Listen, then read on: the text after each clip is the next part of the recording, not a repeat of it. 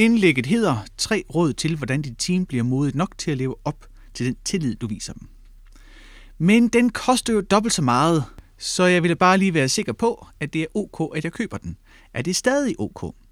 Det spørgsmål fik jeg ofte, da jeg var gruppeleder i en spejdergruppe. Ledelsen i gruppen havde besluttet, at vi kun ville servere spejderkaffe i vores spejderhus, fordi kaffen støttede en venskabsgruppe i Uganda med at skaffe rent vand til fattige børnefamilier. Men når virkeligheden ramte, og lederne skulle svinge dankortet, blev de alligevel i tvivl. For kunne det nu passe, at det var ok at betale tre gange så meget for kaffen? Pointen med historien er, at vi godt kan komme i tvivl selv, når vi ved, at nogen har fuld tillid til, at vi træffer den rigtige beslutning. Selvom ledelsen i spejdergruppen havde besluttet i fællesskab, at det var ok, at vi købte den dyre spejderkaffe, kunne den enkle leder godt komme i tvivl, når dankortet skulle svinges. Så tillid er godt, men det kræver mod, når tillid skal udfoldes i en konkret handling. Inden du får vores tre råd til et modigere team, skal vi først lige vende, hvad det er, der gør det nødvendigt for dit team at være modigt. Hvad er det præcis, vi er bange for at gøre? Der er et spændingsfelt mellem ideen om, hvad der er det rigtige at gøre, og så den konkrete handling. Mellem at købe den kaffe, der giver rent vand til fattige børn, og så købe den kaffe, som er dyrere end den normale kaffe, vi plejer at købe. Den ideelle handling, at købe kaffen, der skaffer rent vand, er defineret af både nedskrevne regler og love og de uskrevne sociale normer og retningslinjer. De nedskrevne regler og love kan i kaffe eksemplet være, at man kan købe Fairtrade kaffe. Så ved vi, at kaffen overholder bestemte regler, derfor er kaffen enten Fairtrade eller ej. Men der er også kaffe, som eksempelvis kaffe, der ikke er Fairtrade-certificeret, men som alligevel støtter kaffebønder. Modsat Fairtrade-kaffe, hvor der er helt klare retningslinjer for, hvor meget man støtter kaffebønderne, er det her mere flydende. Får kaffebønderne nok støtte? Får de den rigtige støtte? Kan vi være sikre på, at de faktisk får støtte? På trods af forskellene mellem de nedskrevne og uskrevne regler, definerer begge typer regler to handlingsrum. Et, der falder inden for reglerne, og et, der falder udenfor. Og det er her, at tillid kommer ind i billedet. Når vi skal udvide et af de to handlingsrum, skal nogen have tillid til, at det er korrekt, det vi gør. I Spartakaffe-eksemplet havde ledelsen tillid til, at den enkelte leder handlede økonomisk forsvarligt. Men når lederen skulle gøre noget, der kunne anses som økonomisk uansvarligt, altså at købe en kaffe, der var meget dyrere, kunne lederen godt blive i tvivl, om den tillid virkelig var der. At gøre det udvide nemlig det økonomisk ansvarlige handlingsrum for den enkelte leder. Noget, der før var anset som uansvarligt, var nu pludselig ansvarligt at gøre. Så tillid er ikke nok i sig selv. Det kræver mod i den konkrete handling at omsætte den tillid til en handling, der ligger uden for det normale handlingsrum, og som derved bryder med de nedskrevne og uskrevne regler.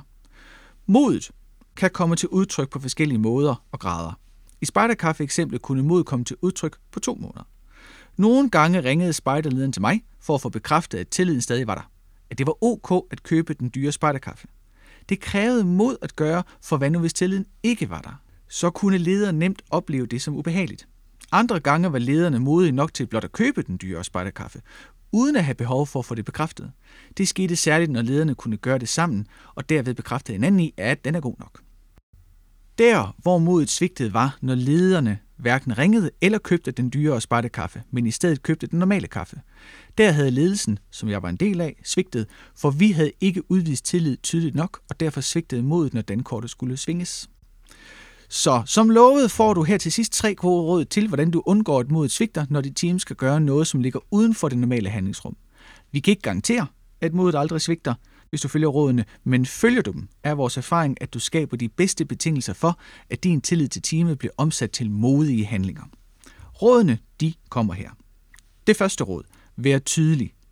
Du skal skære det ud i pap, så du er sikker på, at alle er helt med, og at alle, jamen hvad nu hvis, scenarier er i talesat. En god måde at gøre det på er at tage udgangspunkt i nogle ekstreme situationer, som formentlig aldrig opstår, men som understreger din pointe. Skal vi købe spejderkaffe, når vi holder informationsmøde for forældre, selvom vi bruger to kilo kaffe? Ja. Gælder det også, når vi er på sommerleje en hel uge og drikker rigtig meget kaffe? Ja. Og når forældre spørger ind til det og sætter spørgsmålstegn ved, om det er fornuftigt, skal vi så stadigvæk købe spejderkaffe? Ja. Og forældrene kan henvende sig til ledelsen, hvis de er utilfredse.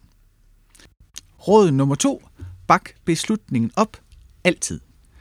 Den sidste sætning er værd at fremhæve, at den enkelte leder altid kan sende utilfredse eller undrende forældre videre til ledelsen.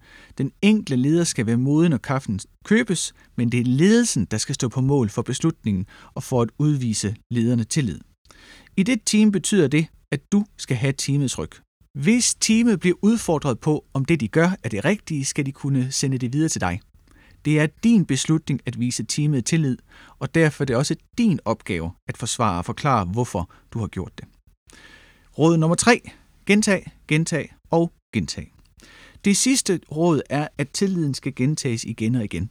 Tillid er ikke noget, man bare viser andre, og så er den der for evigt. Tillid er noget, som skal bygges op langsomt og bliver stærkere over tid. Men den skal passes og plejes for at vokse og trives. Så når du har skåret det ud i pap, så gør det ugen efter igen. Og ugen efter igen.